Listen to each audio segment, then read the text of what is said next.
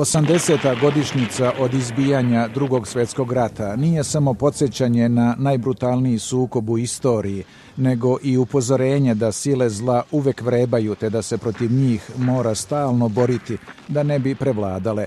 Drugi svjetski rat je svojom besprizornošću doveo u pitanje prosvetiteljsku ideju o permanentnom civilizacijskom napretku – proklamovan kao rat koji će okončati sve ratove. Prvi svjetski rat je bio najstravičniji sukob do tada, uključujući i nestanak četiri imperije, pa su evropski lideri nastojali da stvore novi poredak, zaboravivši na prethodna iskustva, pre svega sa Bečkog kongresa.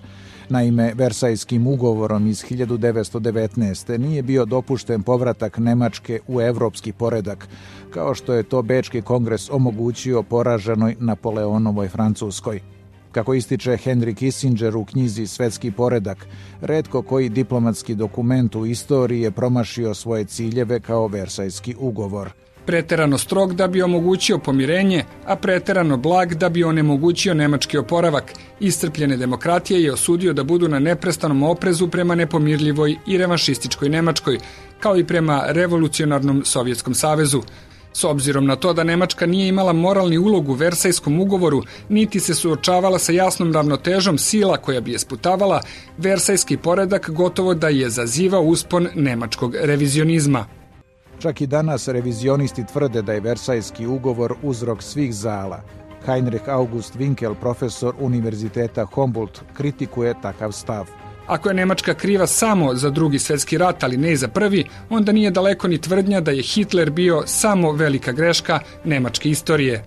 Situaciju su otežali i ekonomski problemi. Naime, i pobedničke i poražene evropske sile su bile devastirane, ne samo zbog ljudskih žrtava, već i ogromnih materijalnih razaranja.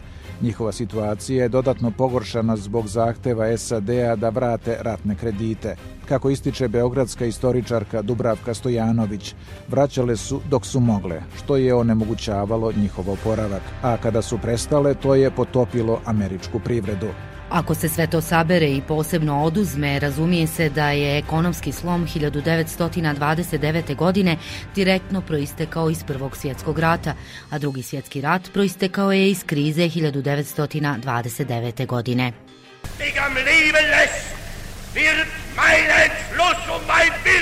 Hitler je došao na vlast na talasu nezadovoljstva nemačkog naroda ratnim reparacijama, položajem njihovih sunarodnika u susednim zemljama, te duboke ekonomske krize. Ova turbulentna istorija Nemačke po rečima američkog eksperta Roberta Kagana nije samo produkt nacionalnog karaktera, već su i okolnosti igrale veliku ulogu, uključujući njen geografski položaj. Nemačka je bila u centru trusnog kontinenta, okružena sa istoka i zapada velikim i podozrevim silama, zbog čega je uvek postojao rizik da vodi rat na dva fronta. Nemačka se redko osjećala sigurnom, a kada je težila da se obezbedi jačanjem svoje moći, samo je ubrzavala svoje zaokruživanje. Slavni književnik Thomas Mann je kazao da se ne radi toliko o nemačkom karakteru, već spojnim okolnostima. Ne postoje dvije Njemačke, dobra i loša. Loša Njemačka je samo dobra Njemačka koja je zalutala. Dobra Njemačka u nesreći, krivici i propasti. Kako ističe Thomas Riggs u Foreign Policy-u, Hitler pre holokausta je pre svega bio poznat po svojoj antikomunističkoj retorici. Stoga, iako ne mnogo ugodan, predstavljao je nužnu branu bolševizmu. Sve dok su njegove teritorijalne ambicije bile usmjerene na istok i projekat Lebensraum, životni prostor, bio na oštrb sovjetske prijetnje, a ne Evrope, Hitler je tolerisan, čak su mu se i divili. Kako je nacistički vođa sve više pokazivao svoju prirodu, uključujući pogrom nad jevrejima u kristalnoj noći 1938. Francuska, pre svega Velika Britanija, nadale su se da će ga zaustaviti povlađivanjem.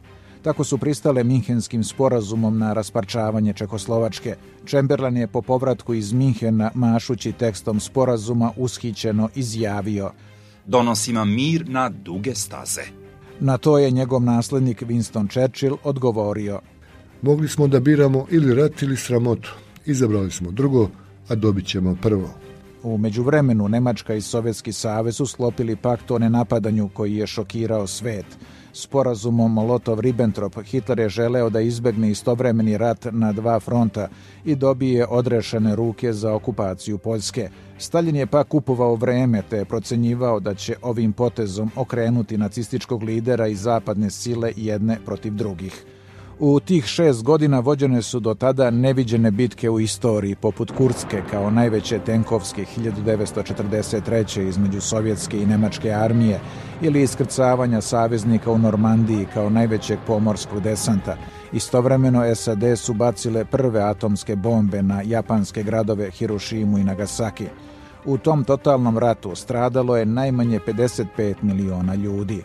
Kao posljedica Hitlerove rasne teorije, na udaru su bili čitavi narodi, pa je u holokaustu ubijeno 6 miliona jevreja.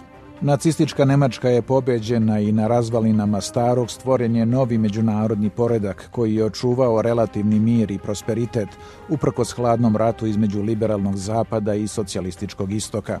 Projektom Evropske unije omogućeno je stvaranje Evropske Nemačke umjesto dotadašnjih ideja o Nemačkoj Evropi, što je bio glavni uzrok dva svjetska rata. Doduše i današnja Nemačka dominira na starom kontinentu, ali ekonomski, tako da sada čini evrom i izvozom ono što je ranije pokušavala vojničkim osvajanjima – Međutim, današnji svet je daleko od harmoničnog, pa ga mnogi porede sa periodom između dva svetska rata. Kao i tadašnje društvo naroda i Ujedinjene nacije su sada paralisane zbog rivalstva velikih sila. SAD su vodile izolacionističku politiku nakon Prvog svetskog rata, a njen aktuelni predsjednik Donald Trump politikom Amerika na prvom mestu želi da se povuče iz posleratnih međunarodnih aranžmana koji su garantovali stabilnost. Trgovinski protekcionizam bio je među glavnim uzrocima oba svetska rata.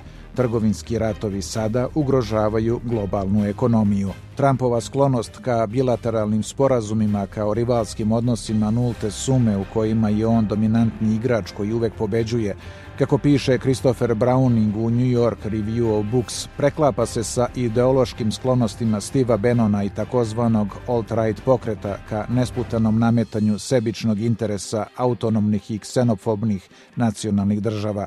Ukratko, ka međunarodnom sistemu prije 1914. Ova međunarodna anarhija proizvela je prvi svjetski rat, bolševičku revoluciju, veliku depresiju, fašističke diktature, drugi svjetski rat i holokaust. Dakle, upravo onu vrstu katastrofe koju je međunarodni sistem uspostavljen nakon 1945. zapanjujuće uspješno izbjegavao tokom čitavih sedam decenija. This morning, I had another talk with the German Chancellor, Herr Hitler. Browning dodaje da Trumpova lična diplomatija i kontakti sa političarima poput Kim Jong-una podsjećaju na povlađivanje britanskog premijera Nevila Chamberlaina Hitleru, nadajući se da će tako sačuvati mir. Situaciju dodatno usložnjava uspon ostalih, odnosno nezapadni akteri koji po prvi put od moderne pre pet vekova dovode u pitanje supremaciju zapadne civilizacije. Jačanje i aspiracije Kine mnoge podsjeća na uspon Nemačke u oči Prvog svjetskog rata. Istovremeno, strategija Rusije oživljava politiku sfere uticaja iz pakta Molotov-Ribbentrop. Stoga, kako sugeriše Timur Vermes u satiričnom romanu Opet on, nije više pitanje da li je moguće da se Hitler vrati. Pitanje je da li ćemo ga prepoznati.